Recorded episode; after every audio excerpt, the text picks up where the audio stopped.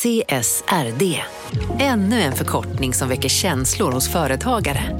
Men lugn, våra rådgivare här på PWC har koll på det som din verksamhet berörs av.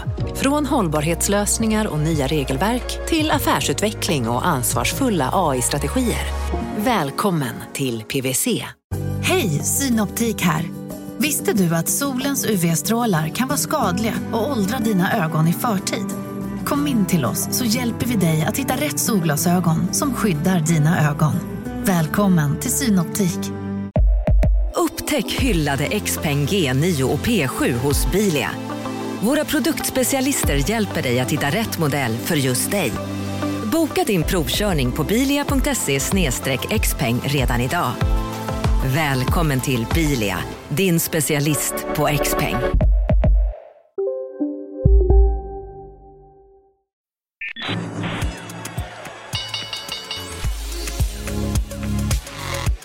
Här är Affärsvärlden med Helene Rådstein.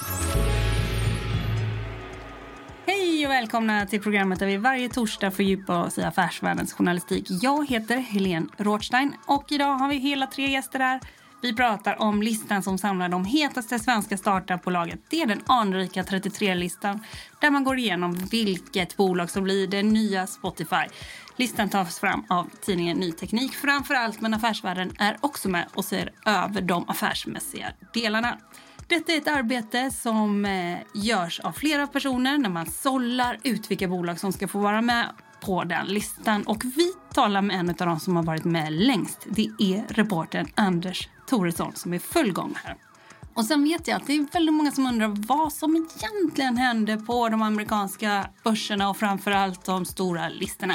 Och detta ska vi prata med Johan Anderberg om. Han har gått igenom en hel del teorier om vad som sägs där ute.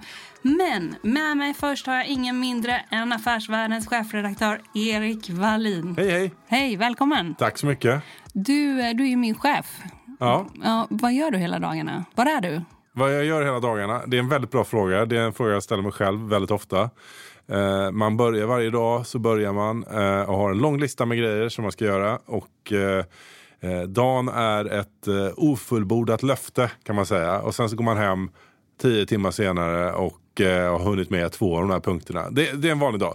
Men man kan säga att i grund och botten är jag ju en journalist precis som alla andra som jobbar på Affärsvärldens redaktion. Och i det så ingår ju också att ibland skriver jag ju lite. Inte mm. kanske så mycket som jag skulle önska men eh, till exempel skriver jag varje vecka en chefredaktörskrönika i alla fall som har någon slags bas att stå på. Lite tycktexter och sånt. Och någon enstaka gång när det är intervjuer och sådana saker. Och klockan nu är klockan 11. Vi har suttit i ja. två möten här. Ja, men det blir ganska mycket möten. Och det som vi gjort konkret idag är att vi har varit, haft ett vårt veckomöte där eh, alla som är eh, både stringers och redigerare och, eh, men också eh, fastanställda journalister och analytiker eh, pratar om vad vi ska vad som har hänt den senaste veckan och vad vi ska göra den närmaste veckan. Och då pratar vi om det som ska ut på nätet. Eh, vi pratar också om det som ska ut på vår tilläggstjänst Analys Plus som för övrigt man kan prova för en krona just nu om man går in på affärsvärlden.se slash pren.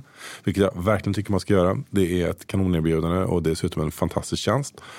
Men vi pratar också om vad som ska vara i det som är magasinet som jag tror för många är den liksom klassiska bilden av affärsvärlden. Alltså papperstidningen Affärsvärlden som man kan få i brevlådan. Det är ett ganska heligt möte kan man ju säga. Det är heligt möte, ja. ja. Och... Vi hade en radikal förändring när vi flyttade ja. från 8.30 till 8.45 här nu för första gången på typ tio år. Så. Och det var några som var några minuter sena. Och Ändå. Där... Och sen satt vi ju nu här med Almedalsmöte. Förberedde Almedalen. Och mm. där Affärsvärlden gör åtta seminarier eh, i Almedalen i år tillsammans med Deloitte. Och det har vi gjort i många år nu, sex, sju år. Kanonseminarier som vi har på eh, eh Strandgatan 22 i Visby. De är faktiskt väldigt kul. Alltså, ja. Det kan man väl säga till alla. Det är bara att gå dit. Det är väldigt kul. Vi har några som satt i publiken förra året som typ Martin Gren på Grenspecialisten till exempel, grundare av Axis. Han eh, ställde sig upp. Fan, han kritiserar någon på scen här om att svenska bolag att de var för lågt värderade och sådär. Han höll inte med om det. Ja, precis. Och vi har bestämt alla seminarier. Jag tror att det är lite tidigt att gå ut och säga vilka de är, men kan avslöja att vi kanske har ett Kina-seminarium som jag tror kommer bli väldigt bra. Där vi har flera väldigt bra personer som redan har tackat ja. Eh, tunga personer. Och sen sitter du också faktiskt och eh, fiffar till och fixar till och ifrågasätter oss eh, reportrar och redaktörer. Ifrågasätter, uppmuntrar. Ja, uppmuntrar gör du också. Ja, precis. Absolut. Äh, skämt åsido så läser jag som redaktör ganska mycket texter. Eh, nu ska vi liksom, alla titlar på en tidning behöver inte gå igenom men att en redaktör är den som läser en text innan den går i tryck. Eller publiceras på nätet. Och, eh, eller lägger ut en text. Men, eh, och det jobbar jag som. Men eh, jag är också chefredaktör. Betyder att man är, och ansvarig utgivare. Det betyder att dessutom är den som åker i fängelse om det är någonting som står eh, mot förmodan åker i fängelse om någonting som eh, vi publicerar i ärekränkning eller eh, på något annat sätt vi begår ett brott i vår journalistik. Så Vilket det fängelse skulle du hamna i i så fall? Hall. Hall, Hall, ja. Den där stängda avdelningen. Den som är så här, en mur innanför mur innanför mur. Mm, man tror ju gott om sina chefer. Man tror Ja, gott, precis. ja.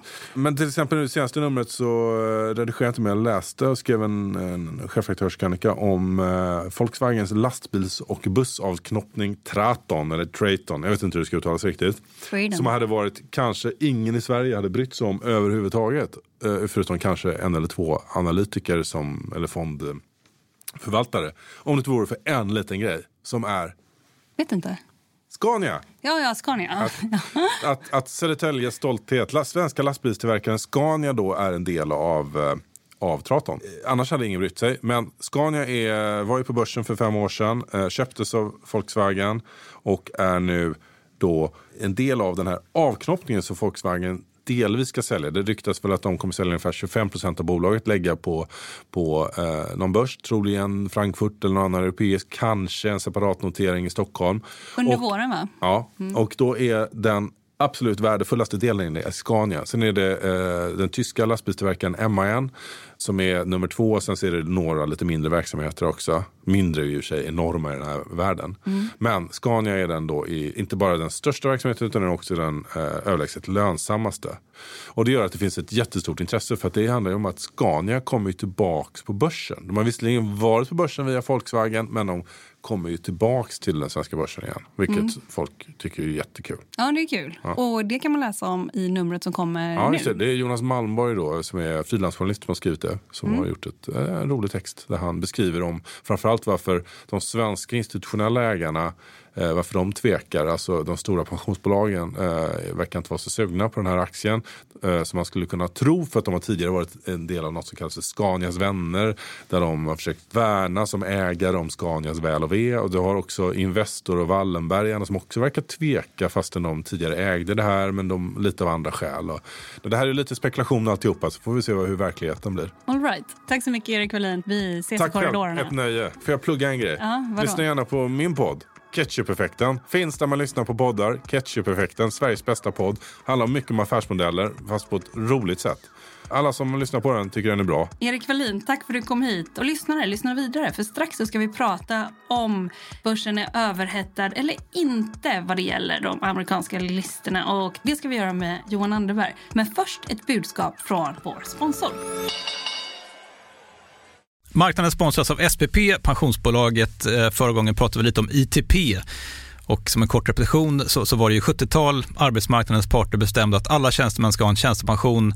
Man kom överens om vilka villkor som ska gälla i den här pensionen och så kallade man den för ITP. Så jobbar man idag som tjänsteman i ett företag med kollektivavtal, då har man förmodligen den här pensionen, ITP-pensionen. Eh, och det är ju så att man kan påverka eh, den här pensionen, hur den är placerad. Vart femte år så gör nämligen Collectum, som de heter, en enorm upphandling där olika pensionsbolag kan ansöka om att få förvalta eh, de här pensionerna. Och SPP är ett av bolagen som valdes ut i den senaste upphandlingen. Och sen kan du som pensionssparare välja vilket av de här olika pensionsbolagen som, som då ska få ta hand om dina pengar. Och tanken med den här upphandlingen det är ju att liksom kvalitetssäkra de här olika alternativen eh, men också att förhandla fram stora rabatter så att pensionsspararna ska få, ja, kunna spara pengar genom att avgifterna eh, som är så viktiga eh, blir eh, lägre. Och vill man välja någonting i ITP-systemet då finns det en relativt ny sajt som heter avtalat.se. Ehm, där kan man gå in och se hur sin ITP-pension är placerad. Jag gjorde det häromdagen faktiskt. Ehm, idén är att hälften av pengarna alltid ligger i något som kallas för traditionell försäkring. Det här gjorde vi ett avsnitt om i podden Kapitalet nyligen eh, som vi kallade världens bästa sparform. kan man lyssna på om man är intresserad. Eh, den andra halvan eh, den kan man också lägga i en traditionell försäkring eller så kan man placera det i något som kallas för fondförsäkring. Eh, SPP som sagt eh, var ju ett av de fåtal bolagen som valdes ut i den senaste upphandlingen och de finns med som alternativ både med en traditionell försäkring och med eh, fonder.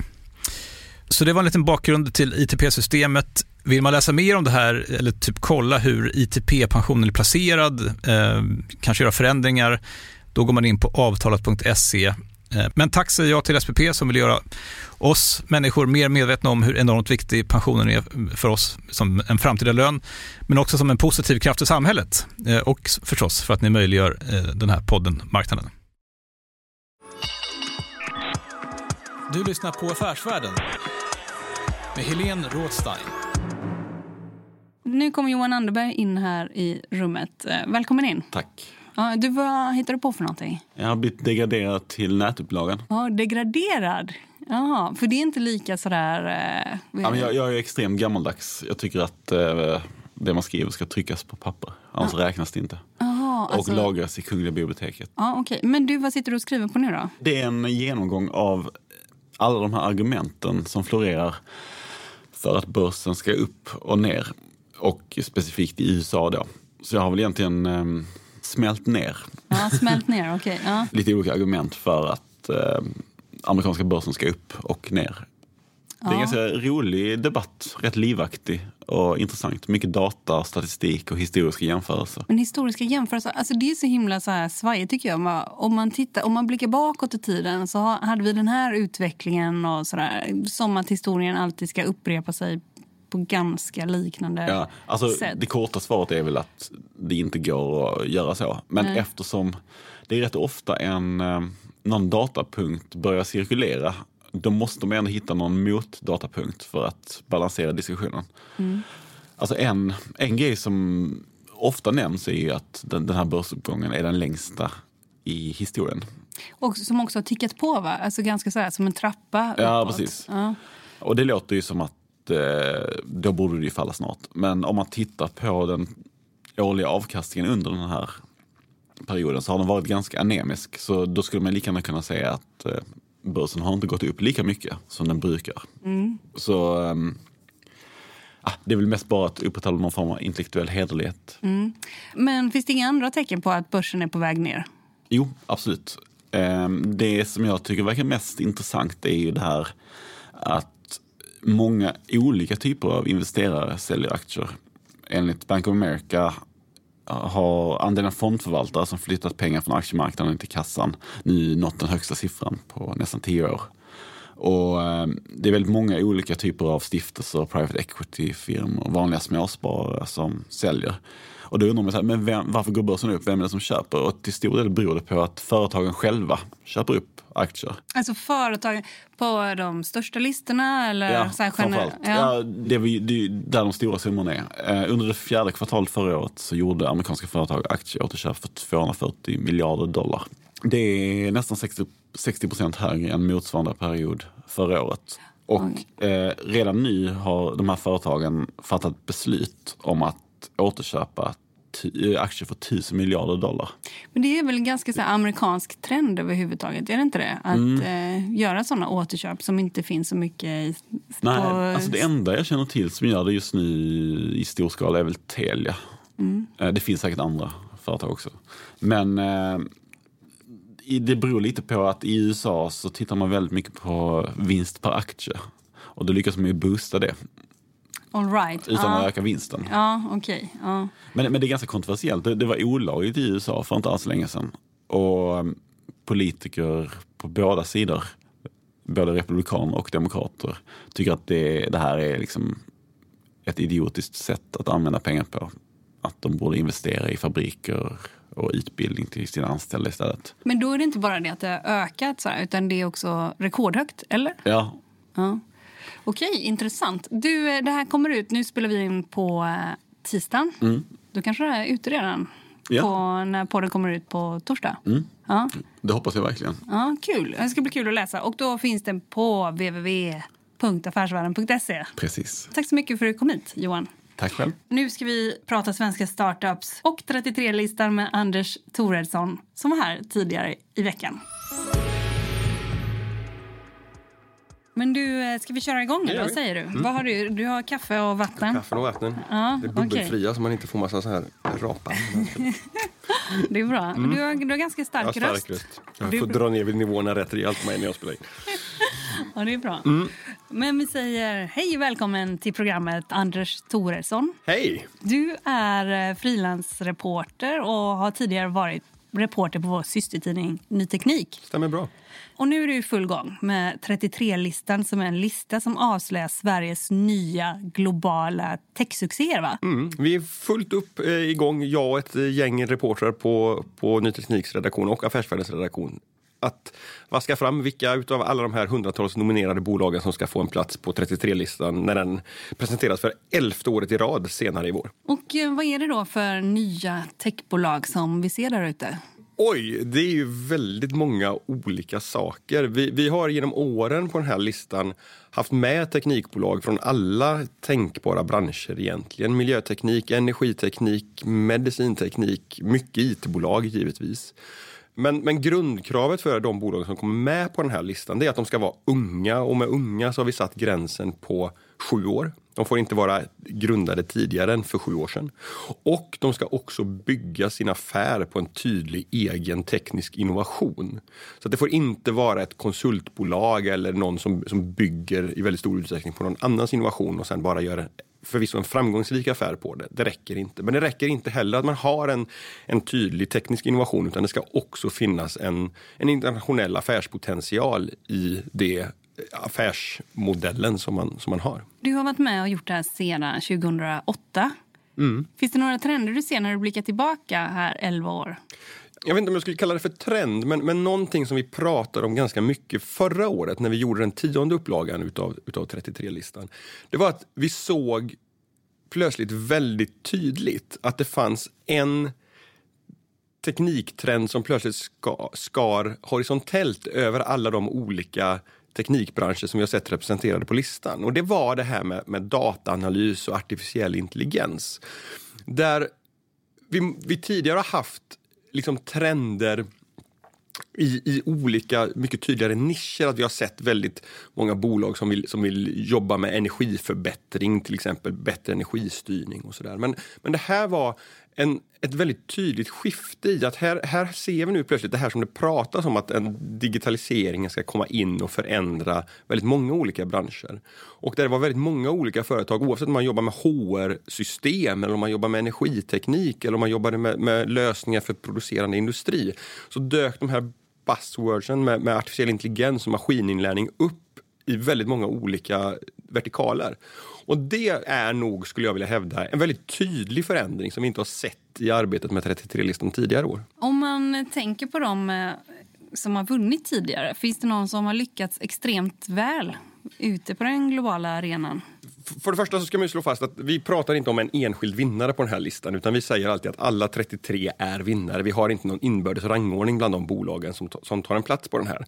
Men de som väl är, är, är mest kända för den här poddens lyssnare skulle jag kunna tänka mig är Spotify och Mojang som gör Minecraft. Men vi har också sett andra företag som eh, Malmöbaserade Polar Rose som blev uppköpta utav Apple och vi har ett Linköpingsföretag, har för mig att de har en liten reservation här, men som heter C3 Technologies som gjorde teknik för 3D-grafik utav kartor som också blev uppköpta.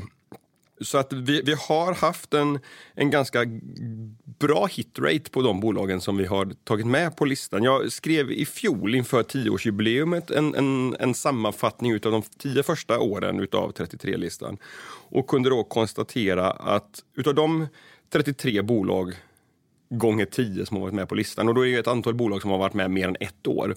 Så kunde vi konstatera att de som har blivit uppköpta var 19 stycken.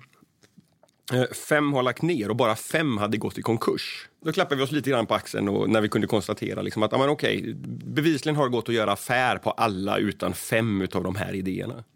När ni träffar dem, nu ska ju eh, affärsmodellen vara eh, gångbar och sådär. De ska kunna växla upp och det är en förutsättning. Men vad säger de själva vad det gäller kapitalanskaffning och sådär? Är det något som de lyckas med eller hur ser det ut där ute? Det har blivit lite enklare att hitta det allra, allra första såddkapitalet. Vi har ett antal entreprenörer i Sverige som har gjort rejäla resor och gjort exits och som nu är aktiva som affärsänglar och gör tidiga investeringar.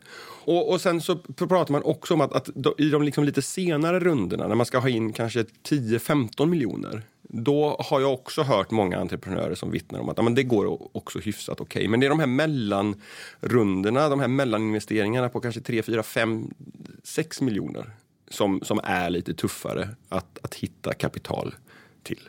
Och eh, även om de här finns inom de flesta branscher nu, att de lägger sig nästan eh, vertikalt i organisationen om jag, om jag förstår det rätt, för att förbättra redan existerande verksamheter. Det är rätt uppfattat, eller? Mm, ja, det, det, kan man säga. Att man vill komma in som en underleverantör som vill hjälpa ett företag att optimera sin, sin produktionsprocess, till exempel genom att samla in data. Eller man har en, en, en idé om hur man ska förbättra förlossningssjukvården genom att, att använda IT och digitala verktyg på smartare sätt. Så på det sättet så blir, blir digitaliseringen någonting som skär över alltihop. Men däremot är det inte så att samma bolag har lösningar som passar på många olika ställen. Utan det är snarare liksom tekniken i sig. Men sen så applicerar de nominerade bolagen eh, digitalisering och dataanalys för olika tillämpningar. Vid sidan av det ser man också olika specialbranscher där du ser att det här är faktiskt något som många intresserar sig för?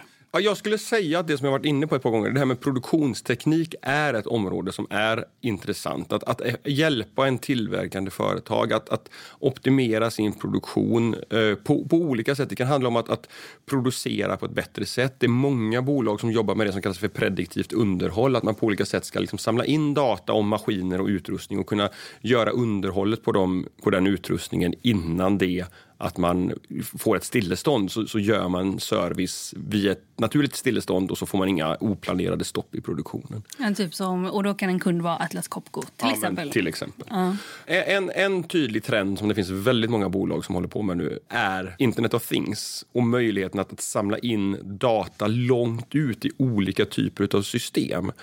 Oavsett om det är produktionsanläggningar eller om det är olika typer utav, utav system som är i, i drift installerat hos kunder för fastighetsövervakning eh, eller, eller sådär. Att man har olika typer av lösningar för att på ett effektivt sätt kunna samla in data och kanske till och med ute i en uppkopplad lampa eller en uppkopplad maskin ha hjälp av dataanalys, artificiell intelligens och maskininlärning för att fatta beslut där om vilken data kan vi kasta och vilken data ska skickas vidare till molnet för fortsatt analys. För att på det sättet använda liksom allt kraftfullare små processorer för att fatta eh, beslut om vilken data som är nyttig. Så man slipper skicka den via en mobiluppkoppling till exempel, vilket kan kosta pengar eller, eller ta onödigt lång tid. Och den, den typen är också en, en trend som, som man kan ha sett de senaste Men som också handlar någonstans om effektivisering? Ja, e ja, effektivisering kan ju, kan ju vara en sätt att tillämpa det på. Det kan ju också vara ett sätt att, att överhuvudtaget styra och övervaka saker som man tidigare var tvungen att skicka runt en servicetekniker till för att, för att kontrollera.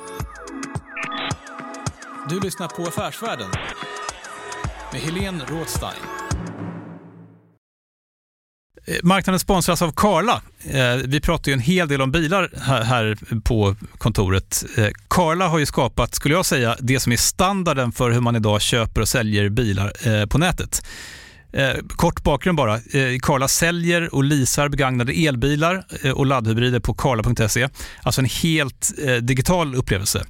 Och man har gjort det här med ett nästan maniskt fokus på vad en bilköpare faktiskt behöver.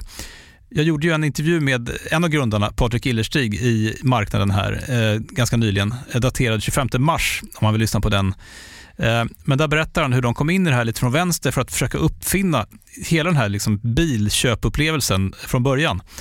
Och de har idag, vilket är rätt otroligt, 4,8 i betyg eh, på Trustpilot. Jag, jag har sett många företagssidor på Trustpilot, men det här är nog bland eh, det bästa jag någonsin sett eh, faktiskt. Man kan sälja bilen till Karla också. Eh, då går man in på karla.se, delar lite info om bilen, sen får man en gratis värdering och ett bud. De hämtar bilen helt gratis i hela Sverige och så har man pengarna på kontot i samma stund som de hämtar bilen. Det är grymt. Eh, så ska du köpa en ny bil eller sälja din gamla, eller båda delar för den delen, gå in på karla.se och eh, kolla. Alltså karla.se och Karla stavas med C. Tack så mycket till Karla. Du lyssnar på Affärsvärlden med Helene Rådstein. När jag säger nu att du är full gång med detta, Mm. vad gör du egentligen här? Nu sitter vi eh, och går igenom... Vi konstaterade häromdagen att, att närmare 400 nominerade bolag har vi fått in. Så vi ska vaska ut till 33. Har ni något bra intelligent system för att vaska ur de här? Då? Det vi framförallt har är många års eh, teknikjournalisterfarenhet och en kunskap och förståelse för vilka, vilka tekniska innovationer verkar ha potential att bära. Men alltså 400 företag, det är ju hur mycket som helst. Det är väldigt många. Och en, den här gallringsprocessen blir ju en, en flerstegsraket. Där det allra första som händer är att vi stämmer av de nominerade bolag som kommer in mot de formella kriterierna som vi har kring det här med att de inte får vara äldre än sju år. Och om sju år känns som en konstig ålder så beror det på att första listan gjordes 2008 och vi bestämde oss för att, eller de, Maria Alpman som var reporter då, dåvarande chefredaktören Lars Nilsson, bestämde att vi ville ha bolag som var grundade på 2000-talet. Och därför blev det sju år som, som blev det. Så att de, en del bolag faller bort på det, andra bolag faller bort på att de faktiskt redan har hunnit bli noterade på en handelsplats. För det är också ett sånt formellt kriterie som vi har, att man får inte vara listad någonstans och, och handlas med. Sen faller ett ganska stort antal bort på kravet på teknikhöjd. Vi får in många bolag som inte utvecklar en egen teknik som är mer åt konsulthållet eller integratörshållet. Och det kan ju vara bolag som, som visar jättefina siffror när vi tittar på en årsredovisning och som är liksom en, en kommersiell succé och framgång på alla sätt och vis. Men då är det ett bolag som ska finnas med på en annan lista än 33-listan. Det handlar inte om att vi tycker att det bolaget inte är värt att uppmärksamma eller, eller så, utan det handlar om att ja, men, då uppfyller man inte kraven här på att man ska vara en teknikstartup på egen innovation. Mm. Och sen kan vi också ganska snabbt många gånger se att, vilket ju är kul, att väldigt, väldigt unga bolag blir nominerade eller nominerar sig själva till listan. Men de faller ofta, många gånger bort på att vi kan se att ja, men okej, det här kan bli någonting. De har identifierat ett problem som ska lösas. De de har sett ett kundbehov och de har en teknisk innovation. Men de kanske har varit igång i ett halvår. Då lägger vi dem på bevakningslistan till nästkommande eller nästkommande Hör år. ni av er till dem nästkommande år? Ja, alltså har, har vi fått in en, en nominering? Vi har ett, ett stort Trello-dokument, det här molntjänsten för, för samarbeten. Och, och de bolagen som inte platsar i år, de läggs i ett antal olika listor på det här Trello-dokumentet. Och ett av dem är för tidiga. Och de flyttar vi nästa år vidare till, till 33-listan för 2020. Och så kommer vi kolla upp dem då. Och bedömer vi då att de ser intressanta ut så kommer de bli kontaktade oavsett om de kommer in en ny nominering utav dem eller inte. Så vissa faller bort på formella krav och vissa är, har, har egentligen bara en idé. Och Det kan vara så att tekniken är bra, men det återstår att se. Hur ser vidare gallringsprocessen ut? Sen de bolagen som är kvar därefter börjar vi ofta med en mejlkontakt med. För att ställa ett antal dubbelkolla de här formella sakerna. Dubbelkolla hur ser, hur ser egentligen den tekniska innovationen ut? Få en, få en kort skriftlig beskrivning utav det från en grundare eller från en vd och så vidare. Vi har ett nomineringsformulär på, på tidningarnas webbplatser där man kan fylla i det här. Men där vet På vi... ny, eh, då får jag säga nyteknik.se och Ja. affärsvärlden.se. Ja. Och Den affärsmässiga biten, där har vi haft vår reporter Johan Eklund för, som har analyserat det. Han är med i år också, eller? Mm, stämmer bra. Och det är en senare runda, verkar det vara, när man träffar Ja, entreprenörerna. vi, vi, vi träffar ju inte alla, men vi, vi gör eh, ganska långa telefonintervjuer med, med de bolagen som vi sen efter en första liksom, kontakt via e-post många gånger eh, bedömer som att ah, okej, det här är ett bolag som faktiskt tycks ha alla de kraven som vi ställer på ett bolag som ska vara med på 33-listan. Så då blir det ett, en, eh, en lång telefonintervju, men också givetvis möten öga mot öga. Där man återigen går igenom de här frågorna en gång till. Kring vad är egentligen er teknisk innovation och hur tänker ni tjäna pengar på den? Och att göra det i en intervjusituation jämfört med e-post, det är ju framförallt den, handlar ju om att, att företagsrepresentanten får en möjlighet att, att förklara mer på djupet och vi som reportrar får möjlighet att ställa alla de följdfrågorna som vi behöver få svar på för att sen kunna ställa alla de här nominerade bolagen mot varandra innan vi vaskar fram de 33 som faktiskt tar plats. Och eh, jag förstår att alla 33 inte får liksom, ett dyrt pris på eh, några miljoner var.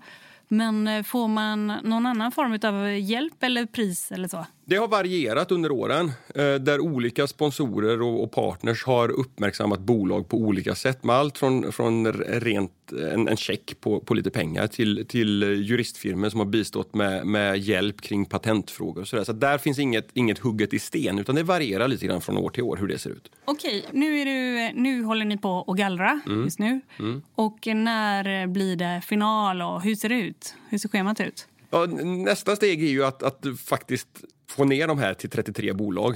Fortsatta intervjuer med, med, företagen själva. Många gånger pratar vi också med investerare eller med kunder. För vi också, utav erfarenhet så vet vi att särskilt bland de här unga teknikföretagen som inte har betalande kunder än utan det kanske handlar om, om pilotprojekt ihop med någon och sådär. Att det inte alltid stämmer överens hur bolaget själv beskriver hur väl tekniken fungerar med hur väl den här projektpartnern tycker att saker och ting faktiskt fungerar. Gud, alltså man har ju också själv suttit på andra sidan och förbannat olika mm.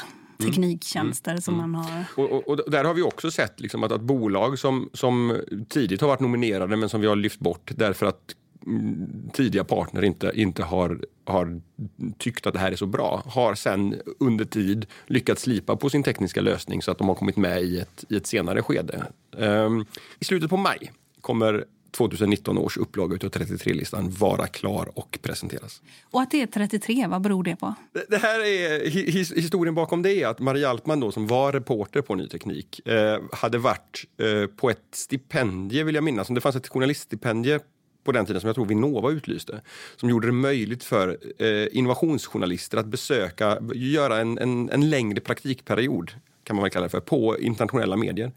Och Marie var på, på det amerikanska affärsmagasinet Red Herring som ju har gjort olika typer av hundralistor. Eh, liksom eh, Nordamerikas hundra hetaste teknikbolag, Europas hundra eh, hetaste teknikbolag och så vidare. Och kom hem från den här perioden på Red Herring och presenterade den här idén för Lars att ja, men vi borde göra någonting likadant på ny teknik. Och Lars nappade på den här idén, men någonstans konstaterar man att hundra bolag mäktar vi inte med. Riktigt så många bolag går inte att hitta i Sverige på ett år som håller den här tekniska höjden och affärsmässiga höjden som, som vi vill ha på listan. Och då, utav någon anledning, så blev det så att ja, 33 var väl ett snyggt nummer att skriva. Så det är nog bara en, en slump bakom att det blev, blev 33. Får jag fråga, du som följer teknikbolag eh, väl professionellt och kanske också privat. Mm. Vilket tycker du är det roligaste teknikbolaget just nu? Alltså det, det, finns ju många olika sätt att se på det här, men, men jag tycker ett bolag som, som, är spännande just därför att de visar på vad eh, digitaliseringen kan göra med, med, gamla befintliga affärsmodeller är ett företag som heter Greenly som är ett, ett appbolag som samlar in alla elmätare som finns i svenska hem ska sedan en tid tillbaka vara möjliga att fjärravläsa. Alltså samla in data på distans till en server någonstans. Och, och Greenly använder den här informationen. Eh, man ger dem en fullmakt och så samlar de in den informationen så presenterar de den för mig i, i, i en app där jag kan se timme för timme min elförbrukning. Men det intressanta är liksom nästa steg som de tar nu, nämligen att också bli en elleverantör. De ska sälja el till mig om jag väljer dem istället för någon av de andra elleverantörerna. Och då är affärsmodellen så att de timdebiterar samma pris som, som elen kostar på spotmarknaden i Sverige. Är också det elpriset som jag som kund hos dem kommer få betala. De gör inget påslag där överhuvudtaget utan det de gör istället är att eh, ta en, en fast månadsavgift på, tror jag, 49 kronor i månaden. Så att det är där deras vinst ska komma. Men i och med att de gör på det här sättet, att de har den här möjligheten att mäta elförbrukningen timme för timme, exponera den för mig som användare, så kan de eh, påverka, är tanken, min elkonsumtion. Därför att då kan de visa vilka tider på dygnet kan det vara bra för mig att ladda elbilen kanske. Ja, men det är de timmarna på dygnet när elen kommer vara billigare. Men de kan också på olika sätt försöka få mig att förstå hur min elkonsumtion ser ut och minska elkonsumtionen. I och med att deras affärsmodell är att ja, men de säljer elen till självkostnadspris men tar en fast månadsavgift så spelar det inte någon roll för deras resultat om jag är en högkonsument eller en lågkonsument utav el. Utan de kan istället då utveckla tjänster som kan, kan förhoppningsvis i tanken få deras kunder att minska på sin energiförbrukning totalt sett. Och Det här tycker jag är ett sånt här supertydligt exempel på vad som händer när möjligheten att, att mäta data och att samla in datan och sen analysera datorn och så fatta affärsbeslut på den kan göra... Alltså det här är ju inte bara en teknisk innovation utan det här blir ju också en affärsmodellsinnovation som jag tror är en, en, en förändring som vi kommer få se på jättemånga ställen som en konsekvens utav att när vi kan mäta nya saker så kommer vi också kunna ta betalt för nya saker och på nya sätt. Så på det sättet tycker jag att de är spännande. Inte för att de ja, men de representerar på ett väldigt tydligt sätt en, en digitaliseringsutveckling som, som sker just nu. Och de är också svenska. De startade för några år sedan, eller mm. tre, fyra år sedan. Mm. Ja. Mm. Tack så mycket för att du kom hit och lycka till med gallringen. Tusen tack och kul att jag fick vara med. Du har lyssnat på en podd från Affärsvärlden. Jag heter Helene Rothstein. Mer fördjupande journalistik om näringslivet finns både på nätet och i Sveriges äldsta och faktiskt bästa affärsmagasin. Du hittar oss enklast på affärsvärlden.se och podden den är tillbaka om en vecka. Håll ut! Hej då!